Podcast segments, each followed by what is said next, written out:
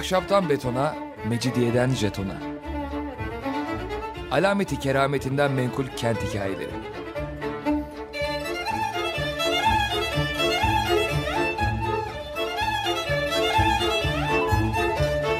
Hazırlayan ve sunan Pınar Erkan.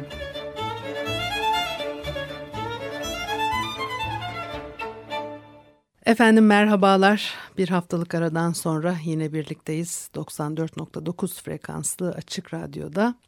Ahşaptan betona, mecidiyeden jetona. Tam şu anda başlamış bulunmakta. Anlatıcınız ben Pınar Erkan. Elektronik posta adresim pinarerkan.yahoo.co.uk Bakalım bugün programımızda neler var. Şimdi İstanbul'un o eski hali tabii çok enteresan. Ee, Yorgo Zarifi'nin e, Hatıralarım adlı e, kitabından size aktarmak istiyorum. Yangınlarla ilgili e, ilginç bilgiler. E, e, Zarifi ailesi 19. yüzyılda özellikle e, İstanbul'da Rum cemaatinin önde gelen ailelerinden biri. E, ailemin kaç kez yangın kurbanı olduğunu bilseniz şaşırırsınız diyor. Fakat bu durumun kaderin bir cilvesi olduğunu zannetmeyin. Sadece sayısız pek çok aile gibi ailem de Rum delikanlılarına bela olan bu yerel kötülükten nasibini aldı. Dünyanın hiçbir yerinde bu kadar sık yangın görülmemiştir. Çok daha eski dönemlere ait olan konaklar dışında poli evlerinin büyük bir çoğunluğu bir zamanlar ya tamamen ahşaptan ya da ahşabın ağırlıkta olduğu çeşitli malzemelerin bir bileşiminden inşa edilmişti. Dar sokaklar, su şebekesi eksikliği, birbirine bitişik evler, bir ev yandığında bir bloğun veya tüm mahallenin yanmasına yol açan nedenlerdi.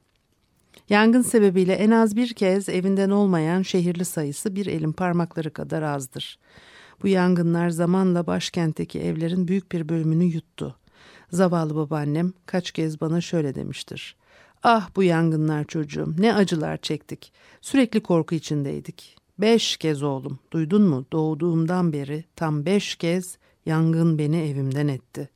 Çoğu gece gerçekleşti ve biz pijamalarımızla sokaklara çıkmak zorunda kaldık. Bazen de daha fazla e, ata yadigarı kurtaramadığı için kendisine sitem ettiğimde bana acıyla şöyle cevap verirdi. Ne kurtaraydım? Onları nasıl kurtaraydım? Yangınlar bizi rahat bırakmadı ki evimizin tadını çıkaralım. Poli'yi ziyaret eden yabancıların hemen hepsi Türkiye başkentinin bu onulmaz yarasını ve oturanlarına her gün yaşattığı korkuları dillendiriyorlardı.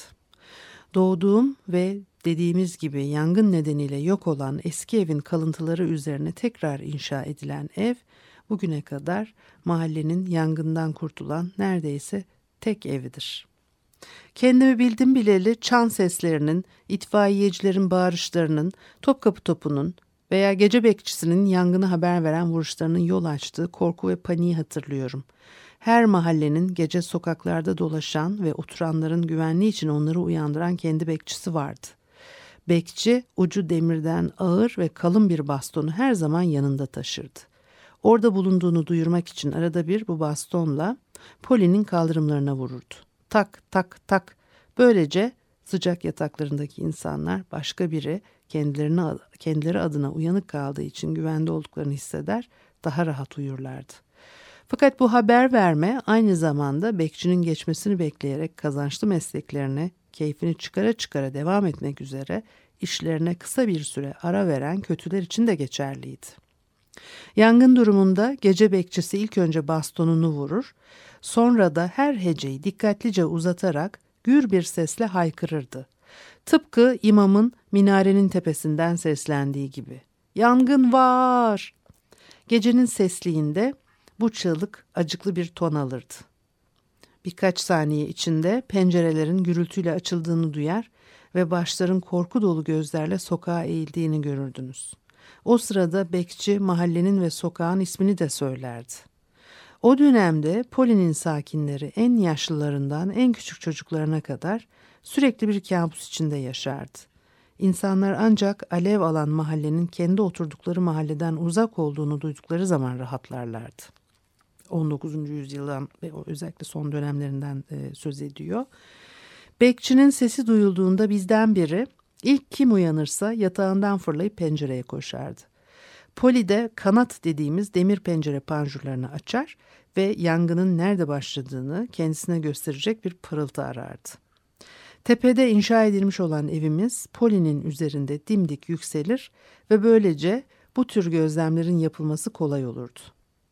Pırıltı uzaktan geldiği zaman korku yerini rahatlamaya bırakırdı. Çoğu kez yangın tehlikeli boyutlar alırdı. Yangının tam azaldığını veya sönmeye başladığını zannettiğin anda aniden yeni alevler siyah göğe doğru yükselmeye başlar ve başka binaları sarardı. Yangının sinsi oyununu pijamalarımızla izlerken tüm bir mahallenin felaketine sessiz bir şekilde sık sık tanık olurduk. Bazen yangın yanımızda bulunan evlerde çıkardı. O zaman bekçinin verdiği haberle eş zamanlı olarak bir hizmetkar yukarı çıkıp bizi uyandırırdı. Çocuklar hemen giyinsin çünkü evimiz de te- tehlikede. Fakat gürültü yapmadan aceleyle giyinirdik. Tehlike büyük olduğunda annem bizi bir başka eve gönderirdi. Annemin tüm mücevherlerini de yanımıza alıp evden ayrıldığımızı ve anneannemin evinde iki gece geçirdiğimizi hatırlıyorum. Bu çeşit alarmlar sık sık olduğundan iş bölümü yapılmıştı. Dolayısıyla herkes ne yapacağını önceden biliyordu. Bu şekilde tereddütleri ve gecikmeleri önlüyorduk. Bazen hizmetkarlarımız su dolu kovalarla kiremitlerin üzerine çıkıyorlar ve komşu yangının bize gönderdiği kıvılcımları kovalıyorlardı. Fakat tüm tedbirlere rağmen bir keresinde neredeyse tongaya basıyorduk. Evimizin beşinci katı yanmaya başladı. Hizmetkarların tek başlarına bir sonuç almaları imkansızdı. Komşular ve tanıdıklar hemen koştular. Aralarında daha sonraki Patrick Fotios'un amcası olan o zamanki Pera despotu Fotio da bulunuyordu. Delikanlı biriydi. Tehlikeyi hissettiği anda bir hamlede cübbesini çıkardı, kollarını sıvadı ve kendisini ateşe attı. Çok önceleri Poli'de iki itfaiye örgütü varmış. Birincisi özel teşebbüse, ikincisi ise devlete aitmiş. Her mahalleye ait olan birincisi amatörlerden oluşuyormuş. Hristiyan ve Türk olmak üzere iki gruba ayrılıyormuş. Felaket haberini alır almaz tulumbacılar dedikleri bu hazırlıksız itfaiyeciler tulumbayı teçhizatlarıyla birlikte almak için merkezlerine koşarlarmış. Bugünkü sporcuların giyindikleri gibi üzerlerinde sadece çok renkli bir mayo varmış. Yani yarı çıplakmışlar. Bu nedenle polide biri paspal ve açık saçık kıyafetler giyinip ortaya çıktığında tulumbacı gibisin derlerdi. Bu insanlar en alt sosyal sınıfa dahilmişler. Hangi aile reisi yaşamı nedenli zor olursa olsun bu gece güruhlarına katılmaya karar verir ki? Katılmaya karar verenler yağma ve kabadayılığı gözeten, ciğeri beş bar etmez kişilermiş. Yangın durumunda tulumbayı teslim almak için koşarak merkezlerine gelirlermiş. Tulumbayı aldıktan sonra Poli'nin sokaklarında koşuşturmaya ve bağırış çağrışlarıyla tam bir curcuna yaratmaya başlarlarmış. Bu ayak takımının başı yani liderleri örgütün hayırlı görevinin sembolü olarak tulumba borusunu ağzını tutan reismiş. Reisi çarpıcı renklerle boyanmış olan ve bazı palikaryaların omuzlarında taşıdıkları tulumba izlermiş. Tulumbanın üzerinde her mahalle için farklı olan ve her grubun amblemini oluşturan işaretler de varmış. Bu düzensiz tulumbacıları hatırlayanlar onların kuvvetli haykırışlarını ve adım seslerini hatta çoğu kez haklar ve öncelikler yüzünden iki grup arasında çıkan kavgaları zor unutabilirler. Kim önce varırsa iyi bir avı garantiliyormuş. Yangının söndürülmesi ise en az dert edin en az yangının söndürülmesi ise en az dert edindikleri şeymiş. Yangın yerine vardıklarında ilk işleri bir eve girmek ve tehlikeli görevlerini yerine getirmek için kendilerini engelleyen eşyalardan kurtulup evi hafifletmekmiş. Sonra çatıya çıkıp bir itfaiyecinin görevi neyse onu yerine getirmeye başlarlarmış. Çoğu kez evi tam bir felaketten kurtarırlarmış. Fakat neye yarar ki? Yaptıkları hırsızlıklar ve verdikleri zararlar hizmetlerinden ağır basıyormuş. Dedem bu haylazların evimize ayaklarını basmamaları için gerekli tüm tedbirleri almış. Bir silahla kapının girişinde duran ve hiçbir tulumbacıyı eve yaklaştırmaması yönünde emir alan Giovanni isminde bir Bulgar kapıcı tutmuş.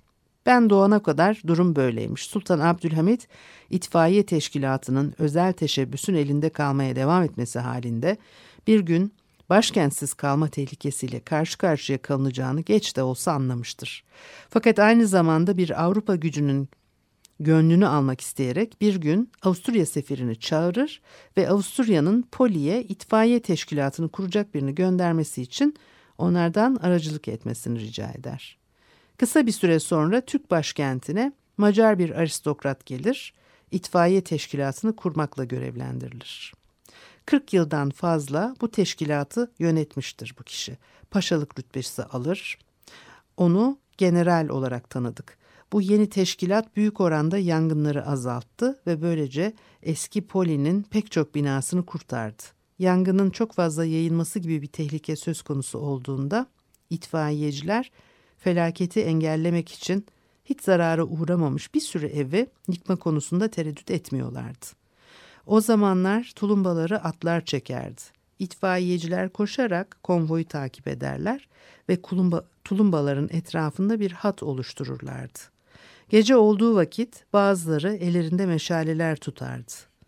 Küçük bir fener alayı gördüğümü zannederdin. Küçük bir çan ama özellikle bir borazan onların sokaktan geçişlerini bildirirdi. Gecenin sessizliği içinde duyduğun zaman sürekli yankılanan bu üç nota bekçinin sesi gibi insanda aynı acıklı intibayı uyandırırdı. Büyük bir heyecanla tulumbanın evinin yakında durup durmayacağını beklerdin. Gündüz vakti bir yangın Poli'nin iki kulesine, Galata Kulesi ve Serasker Kulesi'ne çekilen bayraklarla duyurulurdu. Ayrıca Türkler çok yüksek bir tepeye, boğazın ortasında boğaza hakim Kandili yakınlarında bir yere batarya yerleştirmişlerdi. Bu yerde eski Bizans'tan kalan bir kalenin kalıntıları bulunur. Her vatandaş atılan top atışlarının sayısından hangi mahallenin ateş aldığını bilirdi.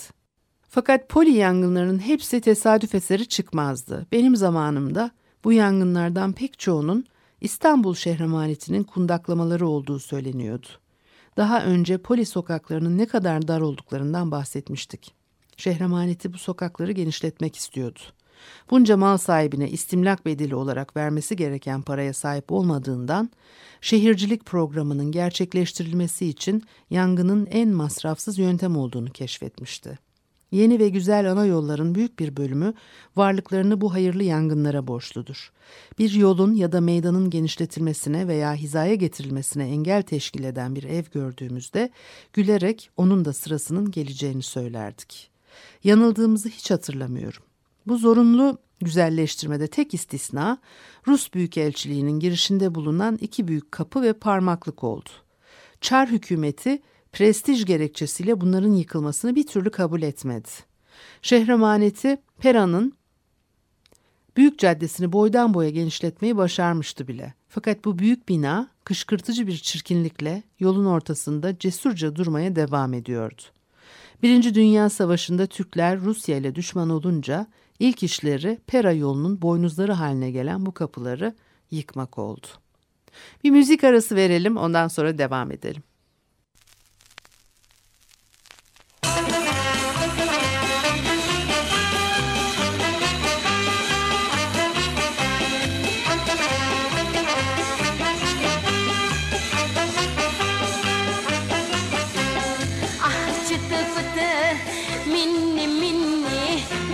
Kokuyor pamuk deni Gel bir parça koklaşalım. Billahi soldurmam seni Aman çıtı pıtı. Mini mini Mis kokuyor pamuk deni Parça koklaşalım. Vallahi soldurmam seni Yangını bak, yangını bak. Ben yanıyorum. Yetişin adosuna. Tutuşuyor Ay ay ay. Yangını var yangını var Ben yanıyorum. Yetişin adosuna. Tutuşuyorum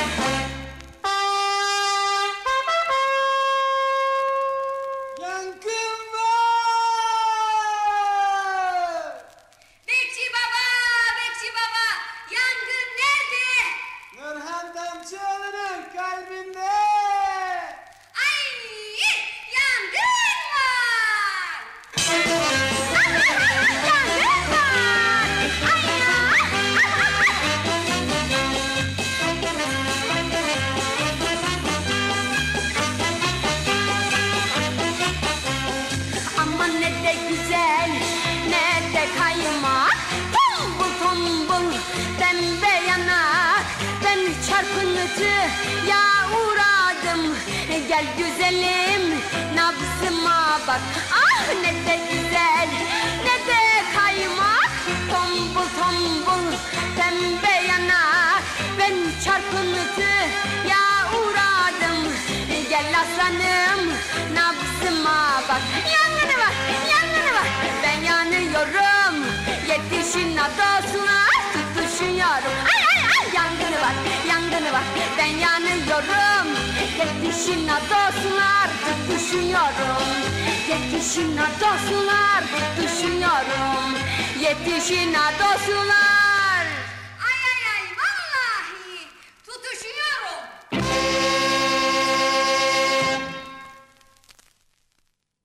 Efendim Açık Radyo'da Ahşaptan Betona, Mecidiyeden Jeton'a devam ediyor ve Yorgo Zarifi'nin e, Hatıralarım adlı anılarını e, yazdığı e, kitabından size bir bölüm e, okudum yangınlarla ilgili. E, yine devam edeceğim Pera'daki evle ilgili o bilgileri aktarmaya. İstanbul 1800-1920 yılları arasındaki dönemi anlatıyor bu kitap bize. Tabii e, Zarifiler... Rum cemaatinin o dönemde önde gelen ailelerinden. Dedeme ilk oturduğu ev yandıktan sonra Stavrodromi'deki kiraladığı yeni evde bırakmıştık. Zaman geçtikçe işleri büyür, peşi sıra kazancı da artar. Onun da kendi evine sahip olmasının ve hayatın nimetlerinin tadına varmasının vakti artık gelmiştir. Böylece o zaman oturduğu evden birkaç adım ötede Tepebaşı sokağında bir gayrimenkul satın almaya karar verir. Mal sahibiyle pazarlığa oturur, fiyatta anlaşırlar. Çok kısa bir, bir süre içinde tapu işlemleri tamamlanacaktır. Tam bu sırada ev seçiminde fikir veren ve eninde sonunda kendi evine sahip olacağı için mutlu olan babaannem hangi nedenle olduğunu bilmiyorum Paris'e gider. Olaylar bu şekilde gelişirken pazarlığı yapılan ev çıkan bir yangın nedeniyle yanıp kül olur. Dedem herhangi bir kağıt imzalamamış olmasına rağmen kendisini bu anlaşmaya bağlı hisseder ve artık var olmayan bir evin bedelini mal sahibine öder. Karısının gelip de yıkıntılarla karşılaşınca nedenli üzüleceğini düşünerek mahvolmuş evi çarçabuk yeniden inşa ettirme kararı alır. İlkinden çok daha büyük olması tasarlanan yeni evin inşası hemen başlaması kaydıyla Polili iyi bir mimara verilir. Fakat inşaatın 9 ay geçmeden tamamlanması gerekmektedir. Yani babaannemin Paris'te olduğu süre zarfında. Öyle de olur. Babaannem döndüğünde evi hazır bulur. Babaannem kocasının inceliği karşısında duygulanır. Fakat yeni evini ziyaret edip de alelacele yapılan inşaatta sadece bir ev hanımının akıl edebileceği binbir şeyin unutulduğunu görünce sakinleşmesi kolay olmaz.'' Tüm bu eksikliklerin hayatı boyunca peşini bırakmayacağını düşünmüştür. Yeni ev Stavrodromi'nin en yüksek yerinde ve doğuya doğru inşa edilmişti. Ön cephe kuzeye ve yatak odaları güneye bakıyordu. Burada e, Stavrodromi dediği dört yol ağzı demek e, Galatasaray'dan bahsediyor. İşte e, e, sokağın adını da e, söyledim az önce. O tepebaşı tarafında o bölgenin yüksek bir noktası ve orada e, belli ki o zamanlar şimdi olduğu kadar sık bir e, yapı dokusu yokmuş. Bir daha geniş bir alan içerisinde bir e, kendilerine konak yaptırabilmişler. Ön taraftaki pencerelerden İngiliz Büyükelçiliği'nin parkı, arka taraftan ise deniz görünüyordu. Yüksek bir yerde inşa edilmiş dört bir yanı bahçeyle çevrili evin manzarası eşsizdi. Eski Bizans'ı, adaları, Boğaz ile Marmara'dan geçen tüm gemileri görebiliyordunuz. Genelde büyük şehirlerdeki evlerde olduğu gibi evin dış görünüşünün pek bir özelliği yoktu. Bu evlerin özellikle içleri görkemliydi. Binanın dış cephesindeki monotonluğu kıran mermer balkona bile herhangi birinin dikkat etmediğinden eminim. Poli'de insanlar neredeyse hiçbir zaman evlerinin balkonlarına çıkmazlardı. 50 senelik bir evin balkonunun sadece bir kez kullanıldığını doğrulayabilirim. Yıl 1907 idi ve Sultan Hamid Türk Meclisi'nin açılışına katılmak için evin önündeki yoldan geçmişti. Kapıcının duvardaki bir çivide asılı duran kocaman bir anahtarla daha önce açmış olduğu demir kapıdan sonra evin eşiğini geçtiği zaman kendini elips şeklinde yerleştirilerek sıralanmış sütunları olan çok yüksek bir holde buluyordun. Sütunların aralarındaki boşluklar binbir çeşit heykelle tamamlanıyordu. Bir Viyana sobası bu koskocaman yeri ısıtmak için boşuna mücadele ediyordu. Bir mermer merdiven ziyaretçiyi dosdoğru salonları kabul odası olarak hazırlanmış birinci kata götürüyordu. Evimizde her koşulda korunan bir gelenek vardı. Bir yabancı o bitmek bilmeyen merdiveni çıkmaya başladığı zaman kapıcı aydınlıktan yankılanan ve gerçek bir alarma yol açan bir çanın kordonunu çekerdi. Holün yüksekliği çeşitli ara katların oluşturulmasına imkan vermişti. Mimar masrafı hesaplamadan holün dört köşesinde her biri için ayrı merdiven bulunan dört ayrı daire yapmıştı. Bunlardan biri ikinci bir yemek odasıydı. Eskiler resmi yemek odasını pazar günleri, bayramlar ve resmi kabuller için hazır tutuyor, asıl olarak ikinci yemek odasını kullanmayı tercih ediyorlardı. Resmi olmayan bu yemek odasında Türk saraylarında bile yaygın olarak kullanılan son derece gerekli bir musluk ve kahve pişirmek için küçük bir de şömine vardı. Zaman içinde annemin de arzusuyla bu oda hizmetlilerin yemek odasına dönüştürüldü. Kabul salonunun bulunduğu kat özellikle büyük resepsiyonlar için düzenlenmişti. Ön cephede sadece olağanüstü durumlarda açılan iki salon vardı. Güneye bakan arka tarafta ise yemek odası günlük salon bulunuyordu. Bu tarafta hakiki toprakta filizlenen tropikal bitkilerin oluşturduğu bir sera evi baştan başa dolanıyordu. Bu sera bazı Atina evlerinin bilinen fakat cemekandan başka bir şey olmayan seralarına hiç benzemiyordu. Bu daireyle ilgili hatıralarım hala canlı çünkü çocukken en büyük eğlencelerimden biri metal bir sulama kovasına yüklenerek buraya girip bitkileri sulamaktı. İki kuşak önceye ait tüm evlerde ev sahibinin inisiyatif veya zevk eksikliği görülür. Her odaya mobilyaların, halıların, tabloların ve bu, bunun gibi şeylerin yerleştirilmesi için bir Avrupalı uzmanın gelmesi beklenirdi. Onun beğenisi kanun gibiydi. 50 yıl sonra bile bu profesyonel düzenin uyumunu alt üst etmek kimsenin aklından geçmiyordu. Evimizde Türk hamamı yerine o dönem için önemli bir ilerleme olarak kabul edilen Avrupa banyosu vardı. Fakat bu banyoyu haftada bir seferden fazla yakmıyorlardı. Sistemi ilkeldi ve ısınması için bir sürü formalite gerekliydi. Eskiden sadece merkezi ısıtma değil, sürekli yanan sobalar da bilinmediğinden evin her odası özellikle soba veya şöminelerle ısıtılıyordu. Isınmak için günde 16 ateş yaktıklarını hatırlıyorum. Çünkü saymıştım. Bunları sürekli besleyen ve bakımıyla ilgilenen bir hizmetkar bulunuyordu. Resepsiyon verdiğimiz zamanlarda yanan ateşlerin sayısı 20'ye ulaşıyordu. Küçüklüğümde gaz lambaları bilinmiyordu fakat aydınlatma gazı vardı. Annem estetik kaygılarla aydınlatma gazını sadece koridora ve ev işlerinin yapıldığı mekanlara yerleştirdi. İnsan hayatının kolaylaşmasını sağlayan her yeni icat gibi gaz lambaları da ilk çıktıklarında pek hoş karşılanmadı. Şeytanın bu aletlerini evimize sokmayız diyordu o dönemin ev hanımları. Ateş alma ihtimali de cabası. Pis kokularıysa insana dayanmak, insan için dayanmak mümkün mü? Hangi yenilik için e, benzer şeyler söylenmemiştir diyor.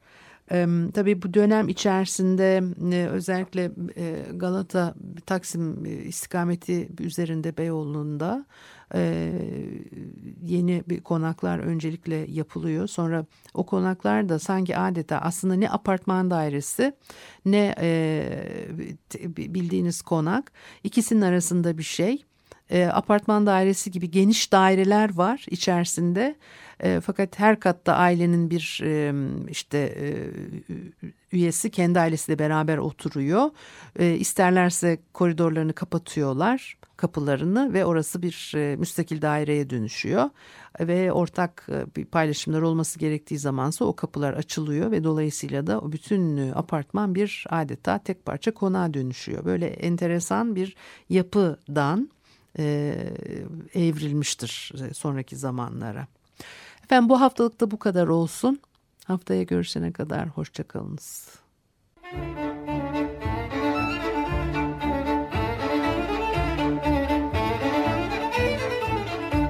Ahşaptan betona, mecidiyeden jetona. Alameti kerametinden menkul kent hikayeleri.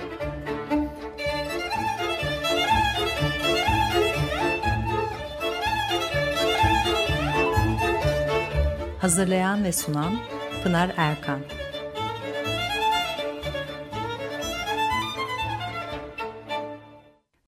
Açık Radyo program destekçisi olun. Bir veya daha fazla programa destek olmak için 212 alan koduyla 343 41 41.